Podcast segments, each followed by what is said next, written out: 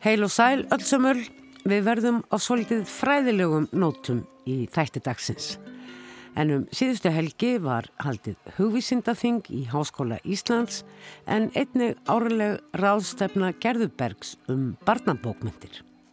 Yfirskrift ráðstefnunar um barnabókmyndir að þessu sinni var fjölskyldur í barnabókum.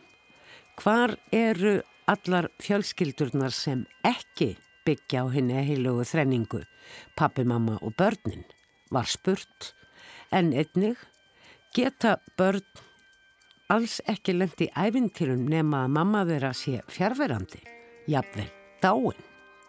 Við heyrum hér á eftir brot úr tveimur af fjórum erundum sem flutt voru á Gerðurbergs ráðstefnu um barnabókmyndir á lögadaginn var. Í síðara hluta þáttarins þið svo rætt við auði aðalsteinsdóttur um skaldskap, greiningu hans og áhrifavald á mannöld en auður flutti erendi í málstofu um sögu bókmyndagagrinu og stöðu á hugvísindafingi í síðustu viku. Meira um framtíðar fagurfræði í framtíðar lausum heimi eins og titill erendis auðar var í síðari hluta þáttarins. Fyrst er það barnabókmyndir.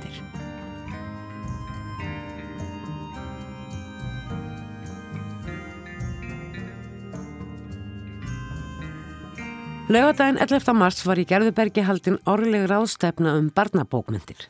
Þessar ráðstefnur sem Sí-ung, félags starfsfólks á bókasöpnum, Ippi á Íslandi, félag áhuga fólks um barnamenningu, skóla og frístundasvið Reykjavíkur borgar, félagið Upplýsing sem er félag bókasapsfræðinga, borgarbókasapnið og jafnvel fleiri standa að, eru áhuga sömum um barna og ungmennabókmyndir jafnan tilhökkunaræfni. Síðustu árin hefur umræðan reyndar mest snúist um áhyggju efni þeirra sem láta sig þannig mikilvæga hluta bókmyndana varða, nefnilega það að bóklastur barna og ungmenna fari halloka gagvart öðru afþreyingarefni og hvað sé til ráða. Í ár má segja að bókmyndirnar sjálfar, skáldsögurnar allar, sem skrifaðar eru með börn og úlinga í huga hafi verið í brennidepli og engum einn þáttur í slíkum bókmyndum sem Evarún Þorgeistóttir, réttöfundur og ráðstefnustjóri útlistaði svo vel í upphafi ráðstefnunar. Fjölskyldur í barnabókum hafa hinga til verið oft frekar einsleitar En fjölskyldunar í dag er ekkit lengur pappi, mamma, börn og bíl. Það eru alls konar. Það eru tvær mömmur með þrjú börn, ein mamma og dóttir, amma, afi og börn, tveir pappar og eitt barn. Vinir eru hluti af fjölskyldun okkar. Þannig að þetta eru fólki sem stendur okkur næst, fólki sem við eigum í, í sterkum tengslum við, flóknum, fallegum, erfiðum, sérstökum og fólki sem við elskum mest. Ég átti samtal við vinkonu mína sem að umsessað fjölskyldur í, í barnabókum um daginn og, en hún og konan hennar eiga þrjú börn saman. Og ég var að spyrja hvort að þarna, þetta sagt, þegar það voru að lesa bækur fyrir börnum sín hvort þetta málefni kemur einhvern veginn upp veist, hvernig eh, fjölskyldunar eru samsettar í bókunum. Og þá sá hún mér að í gegnum tíðina þá hefur hún oft breytt eh, kyni á sögupersonum eftir því sem að passaði sögunni að því að fjölskyldunar hafa verið svo ótrúlega einsleitar. Og mér finnst þetta mjög áhugavert að heyra og kannski komið tími til að, að láta miklu fleiri bækur endur speikla fjölbreytileikan í fjölskyldunum. Þannig að lesandin þurfi ekki að vera að skálda söguna meðan hann er að lesa En það er síður en svo allt og sömt að fjölskyldu gerðir sem ekki samanstanda af pappa, mömmu, börnum og bíl og orðnar eru sjálfsæður hluti af samfélaginu séu lít sínilegar í barnabókmyndum. Heldur eru í barnabókum dagsins í dag undirliggjandi miklu eldri jafnvel aldagömul fjölskylduminstur. En svo Brynildur Björnstóttir, bókmyndafræðingur og fjölmiðlakona reyfaði í erindi sínu sem hún hafi gefið yfirskriftina Hvar er mamma þín? Einar áskell. En auðvitað er nær að spyrja höfundin Gunnilu Bergström þessarar spurningar. Þegar Gunnila Bergström var spurð hvar er mamma Seinas Áskels sem er ekki minnst á í 25 bókum utan einu sinni þá sagði hún, ég veit það ekki. Það er kannski ekkert fjari lægi að hún hafi bara verið að skrifa inn í hefð sem að er mjög rík í barnabókum þar sem að uh, í rauninni mæður eru bara mikið fjárverandi nú mömmur eru náttúrulega með mikilvæg, já bara mikilvægast að personin lífi bas allavega fyrstu árin. Og uh, það er svolítið svona bara áhugavert að velta fyrir sér af hverju þær eru ekki að hana og hvað er það sem að gera það verkum að svona í gegnum bókmyndasöguna þá eru munaðleysingjar og sérstaklega móðurleysingjar aðal personur í ævintýrum og svo á 19. öll þegar farið að skrifa skáldsögur fyrir krakka, skáldsögur um börn í einhverjum aðstæðum Móður er algengasta nafnor sem notað er til að lýsa kvenkins personum í barnabókum, alveg síðan á 19. öld. En samt eru þær eiginlega aldrei hetjur eða hafa ekki verið. Oft uh, hafa þær ekki einu svona nafn, þær eru bara svona mamma, þær eru bara þetta hlutverk, eða dánar eða ósynlegar, eða þær eru til staðar í byrjun og hverfa svo um það byrð það að sagan hefst. Og það er eiginlega mjög lífshættulegt að vera móður í barnabókum. Við getum skipt þessum fjárverðandi mæðurum í nokkra hluta. Það er hinn göfugamóðir sem fórnar öllu fyrir badnið, gefur lífsitt oftar en ekki og verður einhvers konar leiðaljós og styrkur. Svo er það hinn látnamóðir sem kemur, sem bara það að móðurinn er ekki til staðar, kemur badnin í aðriðar aðstæður, eins og til dæmis í ólega tvist. Hinn dauðamóðir sem að bara gerir óskaplega lítið annað en að smyrja nesti og, og koma badnin einhvern veginn að stað þar sem það getur upplegað æfintýrin eitt Nú hér er móðir sem sannlega lesti upp á sögu. Hér syndi Brynildur mynda því þegar móðir Bamba hefur verið feld og hún augljóslega mun ekki vakna til lífs á ný. Er, þetta er talað um þetta sem eina traumatískustu stund margra barna þegar, þegar þau sáu þessa mynd og uppgötvuðu að hreinlega að mæður sko getur dáið og þannig að, þannig að, að börnin upplifðu það. Af því að í þessum æfintýrum og þessum sögum sem ég er að minnast á þá deyir móðurinn oft þegar barnið er svo ungt að það man ekkit eftir henni. Þannig að viðvera mömmunar er í rauninni ekki sko einhver svona viðverandi sálsöki heldur meira bara eitthvað svona persónuenginni og sem að, sem að hefur síðan áhrif á, á söguna Harry Potter til að mynda mun gott dæmi um þetta.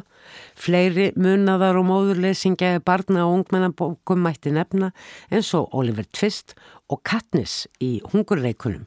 Þótt móður hennar sé vissulega á lífi en hún er meira til vandraða að mati dótturinnar að vera móður í ævintýri og það er kannski að ævintýrin eru þetta forverar barnabókmenta sem síðan þróast og taka með sér fylgta minnum og, og minningum úr þessum barnabókum. Og, og ef að mamman er á lífi eftir einu sinni var í ævintýri þá er hún ópersonlega rödd sem útvegar eh, græjur og leggur leiðilega lífsreglur sem að personan hlýðir að sjálfsögðu ekki.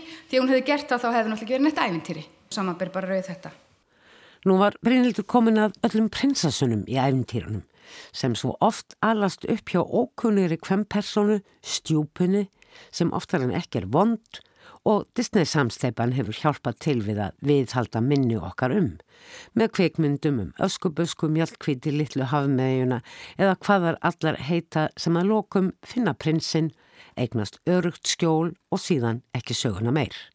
En um þessar aðstæður eru til ákveðnar kenningar. Það er þess að það að stúlkur eru oft giftar frá heimilum sínum, mjög ungar, voru sendar burt af heimilinu, sendar inn á heimili þar sem oft er fyrir önnur kona og þar komum við með vondu stjúpuna, eða sem er, er þá kannski í rauninni frekar tengdamóðir, sem að hérna eh, ræður lögum og lofum á heimilinu og er ekki vel við þessa nýju konu inn, í, inn á heimilið og hennar viðbröði því eru að, að náttúrulega að bara ofsækjana reyna drepana Þannig að móður myndin í rauninni til dæmis í æfintýrinum, ef hún byrtist, þá er hún oftar en ekki hættuleg og neikvæð og vond.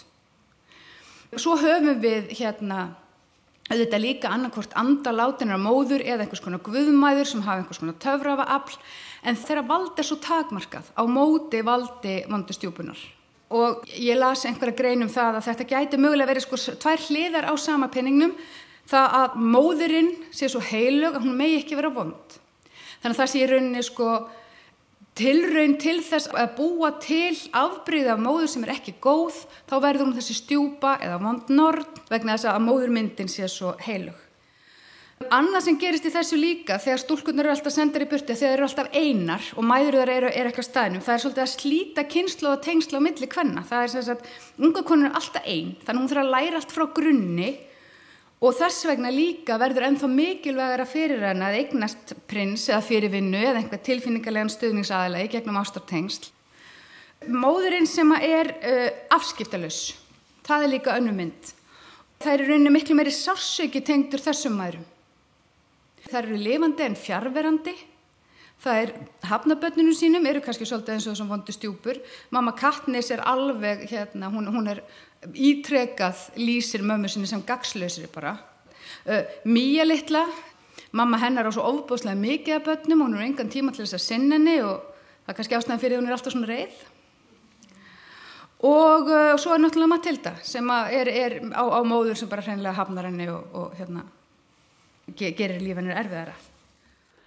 Brynhildur glemdi auðvitað ekki frægasta móðurleysingja nútíma barnabókmynda, Línu Langsokk.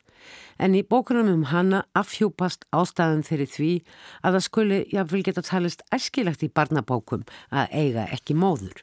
Enda móðurleysið, saði Brynhildur, beinlinis persónu enkenni slíkra söguhetja. Það er æfintýralegra stelpna sérstaklega. Sko persónu enginni móðuleysingina eru og eru, þau eru vilt eða það er sérstaklega sjálfstæð, óuppalinn og þar að leiðandi lendaðu í æfintýrum. Lína langsokkur með einhverja mömmu sem er að segja henni að fara í skó og fara að hátta og, og, og, og banna henni hluti, hún er, ekki, er ekki, hún er ekki til. Þá eru við rauninni komin að svona því sem að mér langaði svolítið til þess að svona kristalla með þessari umræði. Það er, eru mæður þroska hamlandi? Bönnin í þessum sögum, þau mynda, mynda allir ekki tengslu við mæður sínar vegna þess að bönnin eru yfirleitt og svo unga sem ég sagði á þeim þegar, þegar mæðurnar, mæðurnar deyja. Þetta er frjósaverð bara og, og hérna mæður eru, það er sem sagt, samkvæmt þessu kvíðnæri og stjórnsamari en pappar og það er ofta tíðan þeirra eina hlutverk í sögunum. Í eh, mörgum unglingabókum er unni með það að slíta sig frá mömmunni á tíma þegar kannski mæra er mest þörf og það er þó sérstaklega stúlkur. Við konur lítunast því á það sem að sko mikilvægt þroskast gref að afneita því sem er líkt með okkur og mömmu okkar og ég veldi fyrir mér hvort að það á rætur sínar í þessum stjúpusögum. Á meðan til dæmis unglingsdrengir eru oft svo hefnir að einhver illgjart reythundur er ekki búin að kála mömmu þeirra og, og fá að eiga í elskuríkum samskiptum við sínar um miklu sem við mæður. Og svo langar maður þess að vitna hérna í konu sem heitir Lucy Farncheck. Hún segir þess að mamman sem deyr áður en sagan hefst og dauði hennar er notað sem þroskavél og samúðar sapnari fyrir aðalsöguhetjuna. Þessi staðrind kemur oft fram í framhjálplaupi og er langt í fortíðinni svo höfundurinn þurfi ekki að skrifa sig í gegnum sorgina sem fælst í móðurmissi áður en hún getur byrjað söguna. Dauði móðurinn er verði aðeins konar persónuenginni, hann herðir drengi, stundum eru þeirri hendarhug en það gerir stelpunar hins vegar sjálfstæðar, sterkar, svolítið viltar og það eru stelpunar sem þóra að, að, að snúast gegn samfélaginu, knýja fram breytingar og svo framvegis. Móðurleysi í barna og ungmennabókum er sem sagt oftar en ekki áheitum æfintirilegt líf og aðferð höfunda til að skapa áhugaverðar personur. En ámyndi Brynhildur, það er mikilvægt að mæður fá að vera til. Og hún benti á góð fordæmi í íslenskum barnabókum hvað þetta varðar, eins og til að myndi í bókum Guðrunar Helgadóttur. En einnig í bókum sem nýverð hafa komið út, eins og í Mömmu Klikk Gunnars Helgasonar, sem og í bókunum Mamma er best eftir Björk Bjarkadóttur og Mamma Kaka eftir Lóur Hlín Hjálmtísdóttur. Í umræðum að loknu erindi Brynildal var mynd á fjárverandi feður Það væri þó öðruvísi en með maðurnar því, eins og Brynhildur saði, Þeir eru meira bara svona ekki á staðnum, hafa yfirgefið oft sko eða, eða eru í vinnu einhver staðir í burtu. Þannig að það er einhvern veginn gengið út frá því að móðurinn get einhvern veginn ekki yfirgefið af fósum og frjóðsum vilja nema að sé bara eitthvað aðinni. Aðtiklisverðar pælingar hjá Brynhildi um þátt barna og úlinga bóka fordra sem nýra í því að móta ríkjandi viðhorfu okkar.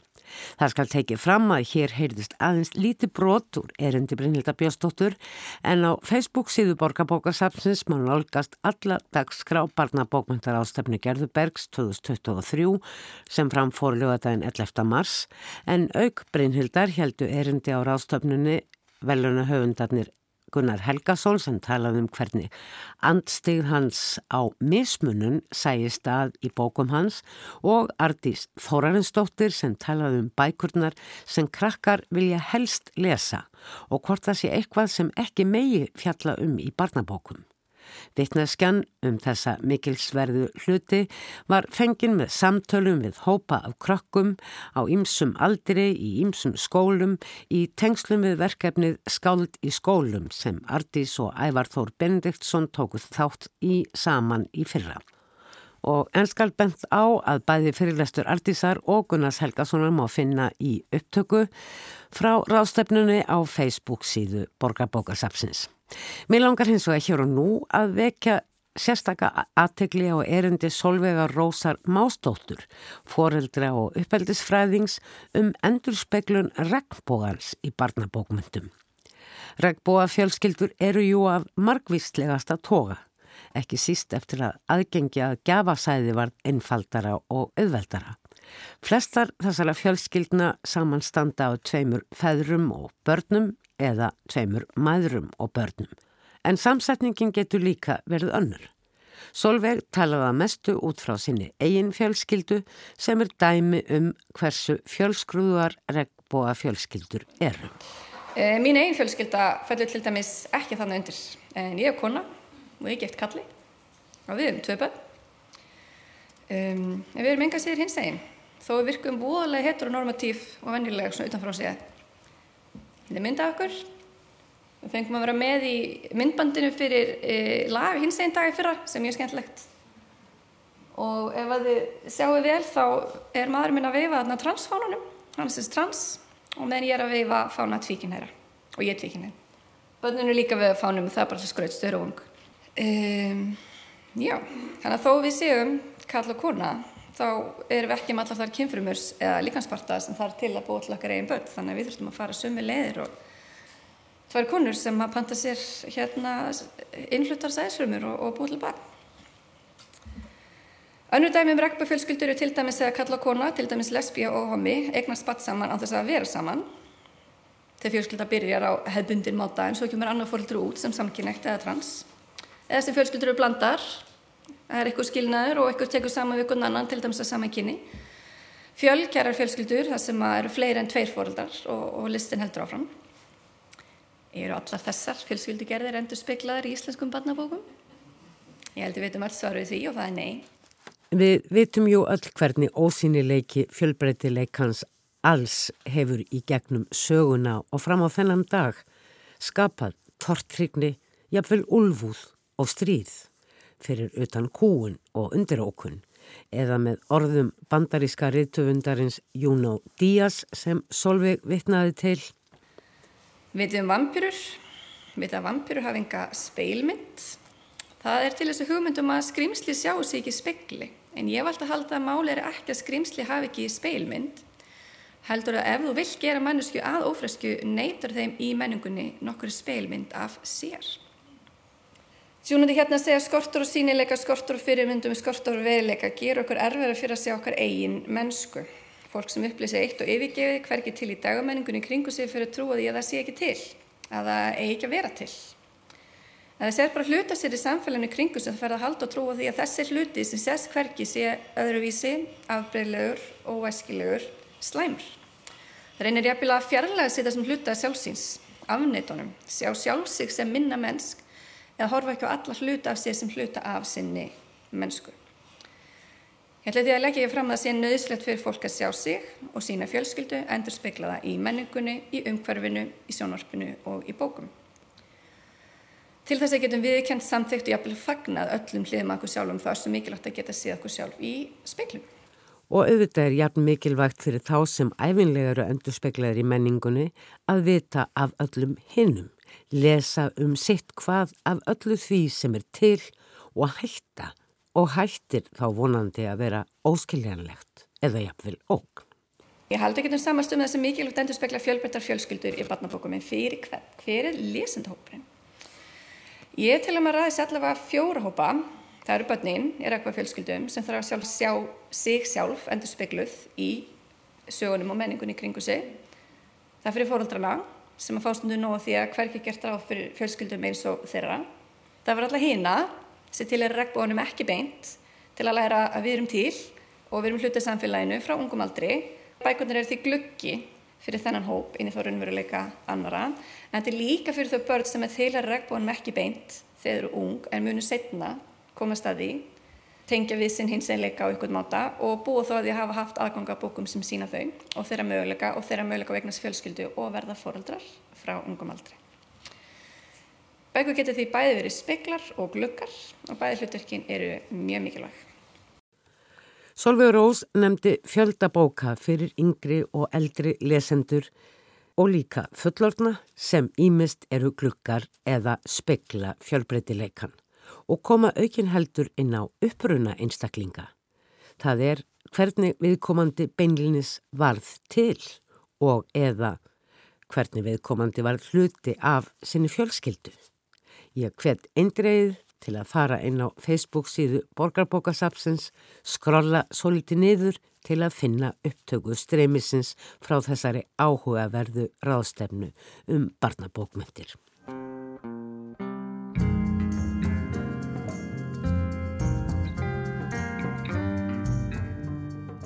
Um, síðustu helgi var haldið hugvísindaþengi í Háskóla Íslands. Á hugvísindaþingi eru haldnar ótal málstofur sem hverfast um ólíklegustu rannsóknarefni sem fræðimenn í hugvísindum er að fást við þessi misserinn og allar málstofur eru öllum opnar. Í hverri þessara málstofa eru haldnir yfirleitt tveir til fjóri fyrirlestrar sem að tengjast ákveðinu yfirskrift. Meðal þeirra málstofa sem ég ákvaða að sækja var málstofa um sögu og stöðu bókmyndagaggrinni á Íslandi. Fjórir fyrirlesarar reyfuð þetta út frá ólíkum sjónarhornum. Sofjaður Birgistóttir bókmyndafræðingu skoðaði landslag bókmyndagaggrinni á þeim 40 árun sem hún sjálf hefur byrst bókmyndagaggrinni. Sölvi Haldorsson nýliðin á vettvangi bókmyndagaggrinni sem í vetur hefur ringt nýjar bækur í þættinum viðsjá, talaði um reynslu sína og þennan vettvang sem hann var orðin þáttakandi í með ríni sinni.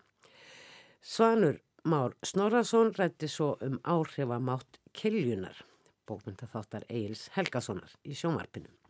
Vissulega aðtöklisvert allt saman og gaf nokkuð glögga mynd af því hvernig bókmyndagagrinin hefur annars vegar orðið undir á markaðinum, það er markaðsumhverfi fjölmiðlana sjálfra og hins vegar hversu mikilvægi hennar í tengslum við bókamarkaðin, sölu bókana, hefur staðfastlega aukist.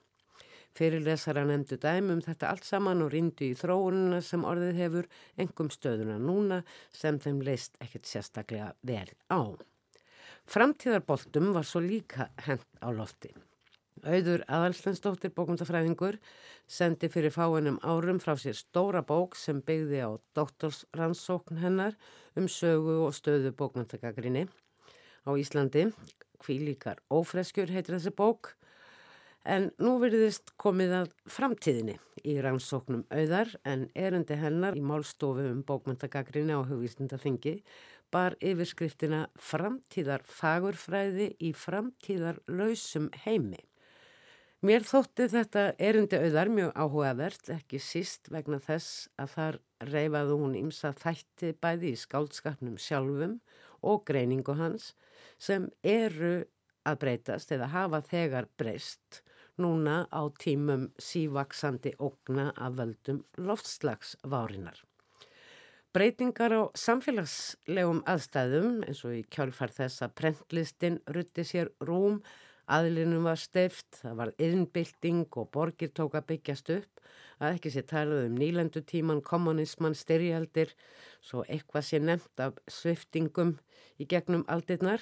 Allt kom þetta með sínum hætti fram í listum og bókmöntum og það má lesa um áhrif allra þessara breytinga í menningarsögunni hvers konar samfélags ástand skapaðis, hvernig fólkinu leið, hvaða dreymdi og svo framvegis. Og þetta er sett fram æfinlega undir breytilegri fagurfræði í samræmi við samfélagslegar aðstæður eins og til dæmis með romantískum hætti, raunsæðislegum í anda symbolisma, surrealisma og hvaðina. Nú eru enn nýjir tímar. Við lifum á svo kallari mannöld þar sem ný fagurfræði er að verða til. Auður Adalstinsdóttir, þakkaði fyrir að koma hingað í þáttin orðum bækur og eh, reyna að skýra þetta aðeins. Þetta er spennandi viðfangsefni. Hvað rak þig inn í þetta? Þú ert uh, núna uh, nýdoktor eins og það heitir. Þú ert beinleginis að rannsaka þetta og taka saman þessa framtíðar fagurfræði. Hvernig hún hefur byrst og, og hva, hvað muni gerast? Já, einmitt. Ég skrifaði þessa bókum gaggrinni og svo fór ég að skrifa uh, um það hvernig svona þessi áhrif af völdum þessari yfirvóðandi lofslagsbreytinga. Sem við heyrum jú fréttir af á hverjum einasta degi, Já, margar. Einmitt og það er náttúrulega kannski það sem margir fræðimenn hafa verið að velta fyrir sér, hvaða áhrif hefur þetta á okkur og hvernig byrtist þetta í skálskapnum og ég hef svona verið að skoða íslenska bókmyndir út frá þessu. En undanfarið hef ég svona aðeins verið að fara að velta því meira fyrir mér hvernig, þú veist, í samspandi við það sem ég er búin að skrifa þessar risastóra bókum gaggrinni og og svona það fagufræði sem þar likur til grundvallar. Hvort að það sé ekki líka spennandi að skoða betur ekki bara hvað áhrif þetta hefur á skáldin og rítumundana, hvernig fólk skrifar á listirnar, hvort þetta áhrif á listformin og svo framvegis heldur líka á það hvernig við lesum. Og það var kannski eh, hérna kollegi minn Sören Frank heitir hann að skrifaði risastóra bókum Hafið og þar er hann svona svolítið að benda á þetta að, Hann er bókmyndafræðingur Já, hann er dansku bókmyndafræðingur og er meðal annars að fjallum hafið út frá hugmyndum um mannöld og hann er uh, þá að tala um það að við kannski hérna gætum lesið líka eldri bókmyndir og það væri kannski bara gefandi út frá okkar sjónarhóttni núna út frá þessum okkar nýju fórsöndum að endurlesa til dæmis bara mm. eldri bókmyndir en líka náttúrulega nýjar uh, út frá svona það sem hann kallar vistkverfu sjónarhóttni. Það sem kannski hefur verið mest ábyrrandi tilneying, skulum við segja, í allavega evróskum bókmyndum á svona það sem aðverð þessara öll, byrjaði reynda að senda á síðustu. Það er svona ákveðin sjálfkverðni og svona mjög personulegar bókmyndir og kannski svona meginverk og það sem oftast er vísað til er þryggjabinda dóðranda eh, verk eh, Karls Óvi Knauðskortsins norska en þetta með þessa sjálfkverðni, hvernig rýmar hún við þessa yfirvofandi allserjar vá? Einmitt og það er náttúrulega að hafa fræðið minn borðið Amitav Ghosh, hann skrifa þarna bók uh, Hann er indverið, er það ekki? Jú, og hann er að skrifa uh, um, uh, hérna, svona um skáldsögun eila og þetta, hann er svona spá í hvort að skáldsagna formið uh, hendi þá kannski ekki til að takast á við svona risastór efni sem að einhvern veginn við eigum sjálf bara erfitt með að ná utanum vitsmunarlega. Það er náttúrulega margir verið að tala um það eins og Andri Snær og fleiri hvers, hversu erfitt það er fyrir okkur að skilja þetta. Mm. Og þá er hann einnig að benda á þetta að skáldskan hefur kannski uh, hérna, þróaðist, já, þróaðist svolítið í það átt að vera mjög mann hver fara svona svolítið mikið inn á við, vera sálfræðileg, snúast um svona hverstæginn Uh, á meðan þetta sem er uh, kannski þetta svona stóru atbyrðu, svona ævintirleir viðbyrðir eitthvað svona á stórum skala, það verður frekar þá viðfangsefni vísindaskálskapar eða einhvers svona eh, annars konar bókmynda sem við uh, hefum ekki flokka sem alvarlegar fagurfræðilegar bókmyndir, heldur mm. sett mér í svona aftreyingar flokk. En þessi tegund bókmynda sem þú nefndir hérna síðast, uh, vísindaskálskapur af öllum toga, framtíðarskálskapur, uh, milliheima skálskapur og líf og öðrum nöttum og svo framvegis, mm. að þetta er náttúrulega hefur orðið gríðarlega vinsæl bókmyndagrein. Einmitt, einmitt og, og, og kannski hendar vel í þetta. Og eins og kannski uh, hérna sem Frank bendir á þá eru náttúrulega svona þættir í, uh, í þessu sem við kallum alvarlega bókmyndir. Þá eru alls konar svona þættir líka eins og sem við myndum kannski segja væri svolítið eins og vísinda skáldskapur eða þetta og hitt. Mm -hmm. það er alveg inn í skáldsönu líka það er bara spurningin hvernig við lesum þær og hvaða er sem við hömpum og segjum að sé hérna flott flott og fagurt að hérna við getum lesið þar og öðruvísi hátt og lagt meiri áherslu þá kannski eða bara uh, beint aðtiklinni meira að þáttum sem við mm. getum kalla vist hverfa mm. sem er þá ekki alveg að mann hverfir uh, beina aðtiklinni frekar kannski tengslunum okkar við umhverfið að stóra samhenginu, hvernig uh, hérna, mörkin á milli okkar og umhverfisins eru óljós og svo framvegs mm. þannig að það er kannski líka þessi spurning hvernig lesum við að hverju beinum aðtiklinni, hverju hömpum við og hvað svona metum við sem mikilvægt eða merkilegt. Það er líka talað tala um eh, áhrif skálskaparins á dölvitundina því að við erum náttúrulega okkur aldrei fullkonlega meðvituð um það hvernig hugur okkar á hugsun þróast og hvernig afstæða okkar er að verða til hvað hefur áhrif á hana og þar kemur sem sagt eh, fræðimaðurinn inn sem að, já, gæti fyrir þá sem vilja eh, bent á undistrykað greint það sem einmitt hefur áhrif sem að kannski höfundurinn gerir sér enga grein fyrir að er þarna í skáldverkjans uh, þegar hann er að skrifa það. Það bara líkur í loftinu. Já, einmitt. Það er kannski þetta með að hafa svolítið yfirsýn og maður er kannski líka þegar maður fer að taka eftir ákveðnum þáttum þannig að þú ferði mitt að lesa með áherslu á, nú er náttúrulega vistríni búin að vera svo mikið vaksandi fag innan bókmyndafræðina, það er svo mikið að gerast þar. Þannig að eh, einhvern veginn gerist það þannig hjá mér allavega. Ég hef búin að vera að fjalla svo mikið um samtíma bókmyndir eh, bara gaggrína þær eða fjallum þær í höfuð. Þá fer maður að taka eftir ákveðinu þáttum sem að eh, verða svona gegnum gangandi mm. og maður fer að beina aðtiklina því. Og þá einmitt eins og segir, það gæti náttúrulega komið höfundum og óvart að maður fer að tengja það við einhverja starri reyfingar hræringar, en mm. þá er einmitt spurningum hvernig er maður að lesa og hvað er maður að leggja áslá mm. Já, eh, varðandi dulvitunduna þá er einmitt, hefur ég verið að nota svolítið Timothy Morton sem einmitt leggur áherslu á að... Hvaðan kemur hann aftur?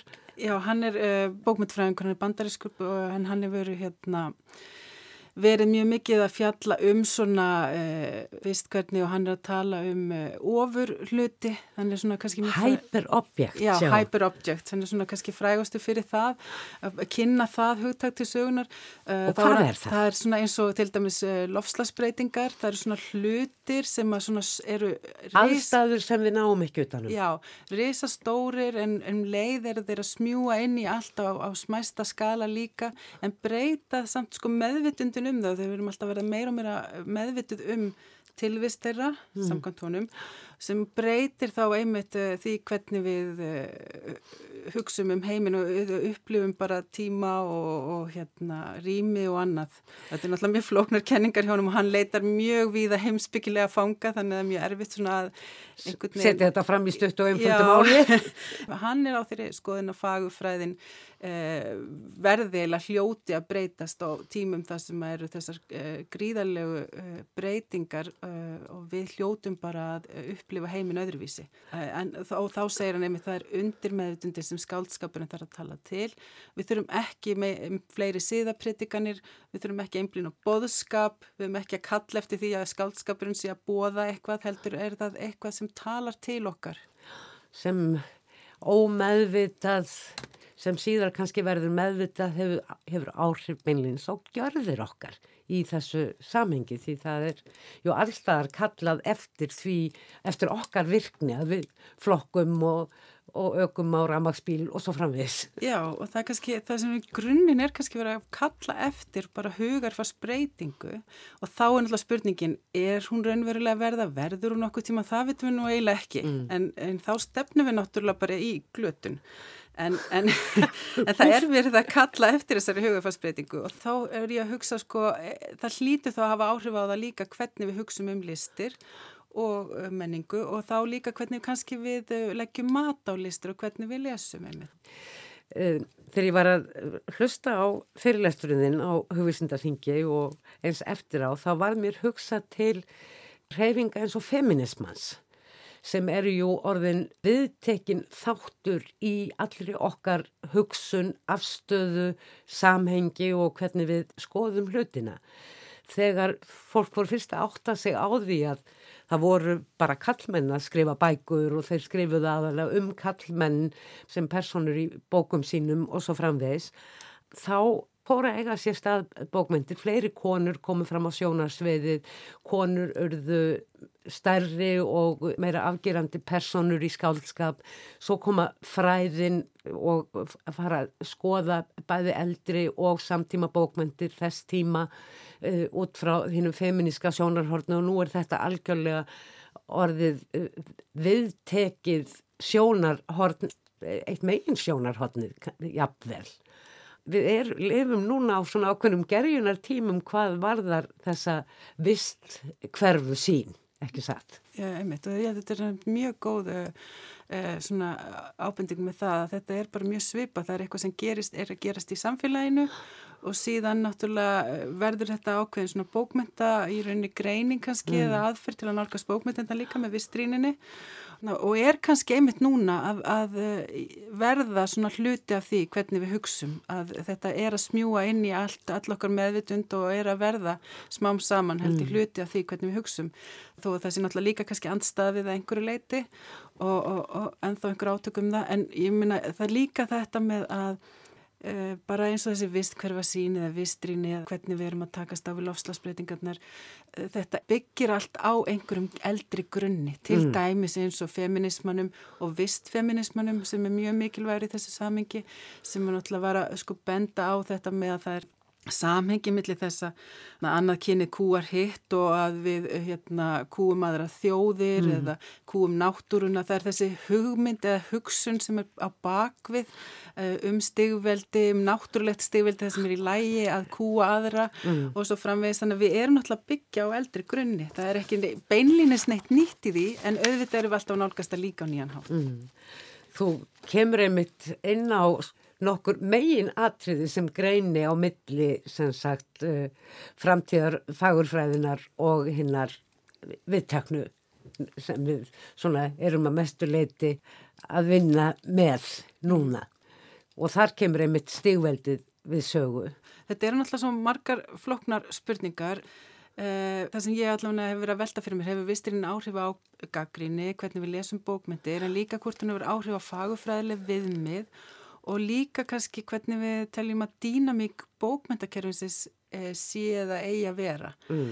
Þannig að það er kannski svona, þetta eru kannski margar spurningar en það er náttúrulega tengjast. Markaðurinn, lesendur, bókasöfn og allt þetta svona daglega menningar umhverfi bókmyndana, bókabúðir. Já, einmitt allt þetta, það er svona töldu talað um bókmyndakerfi, það er sérstaklega bara bókmyndina sjálf og allt í kringum þær í rauninni. Og hvernig við flokkum þær, hvað Já, við segjum góðar síst. bókmyndir og, og hvað við segjum svona ódýrari afþreyingar eitthvað. Einmitt og það er sko til dæmis að eh, fræðminn svo Pír Búrdjú sem er með bókmyndasvið, hann hefur náttúrulega verið að spá í svona hvernig uh, dýnamíkin innan kervisins er og hvernig tengslinn er á milli og hann, hann segir að það eru aðeins öðruvísi lögmál sem gilda á listasviðunum eða bókmyndasviðinu að það eru öðnur viðmið heldur en til dæmis markaðslega sem kannski skipta máli.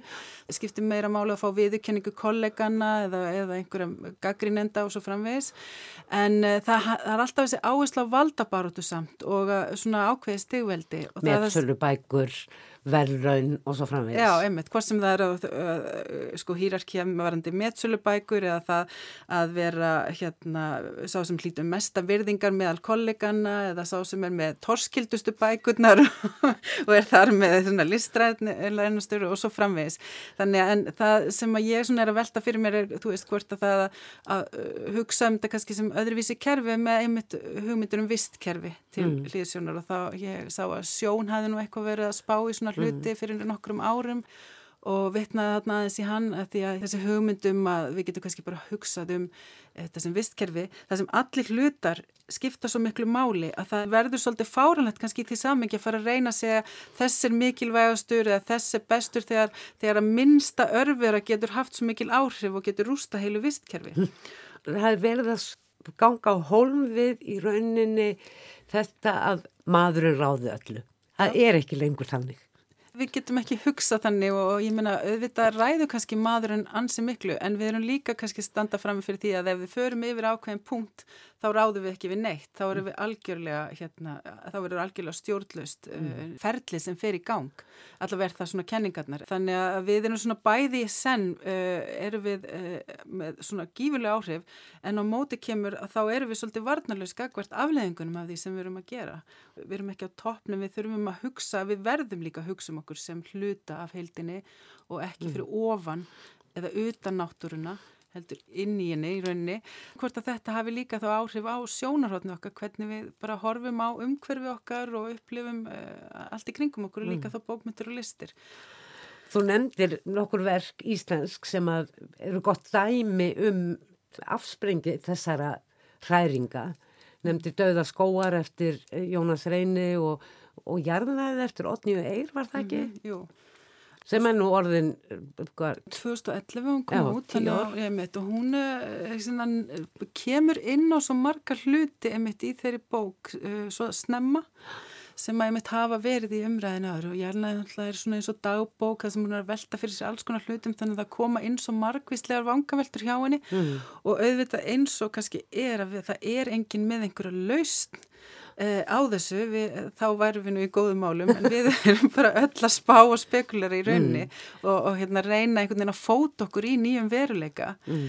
það er það sem hún er að gera þeirri bó og skálskapurinn er bara svo gott tæki samanbyrð þetta með dulvitvindunas Einmitt, bæði kannski listamenn og höfundar líka eru bara einhvern veginn oft svona skrefin og undan okkur í, þú veist eins og þetta með Otni er og hún er að velta fyrir sér uh, bókmyndarlegum fjölbreytileika í anda líffræðilega fjölbreytileikans sem er náttúrulega eitthvað sem heldur svo áfram og Sverri Norrland er aðeins að spá ég mitt hvað áhrif hefur það að, að minka þennan fjölbreytileika á ímyndunaraflokkar í þarna stríð og kleður Já.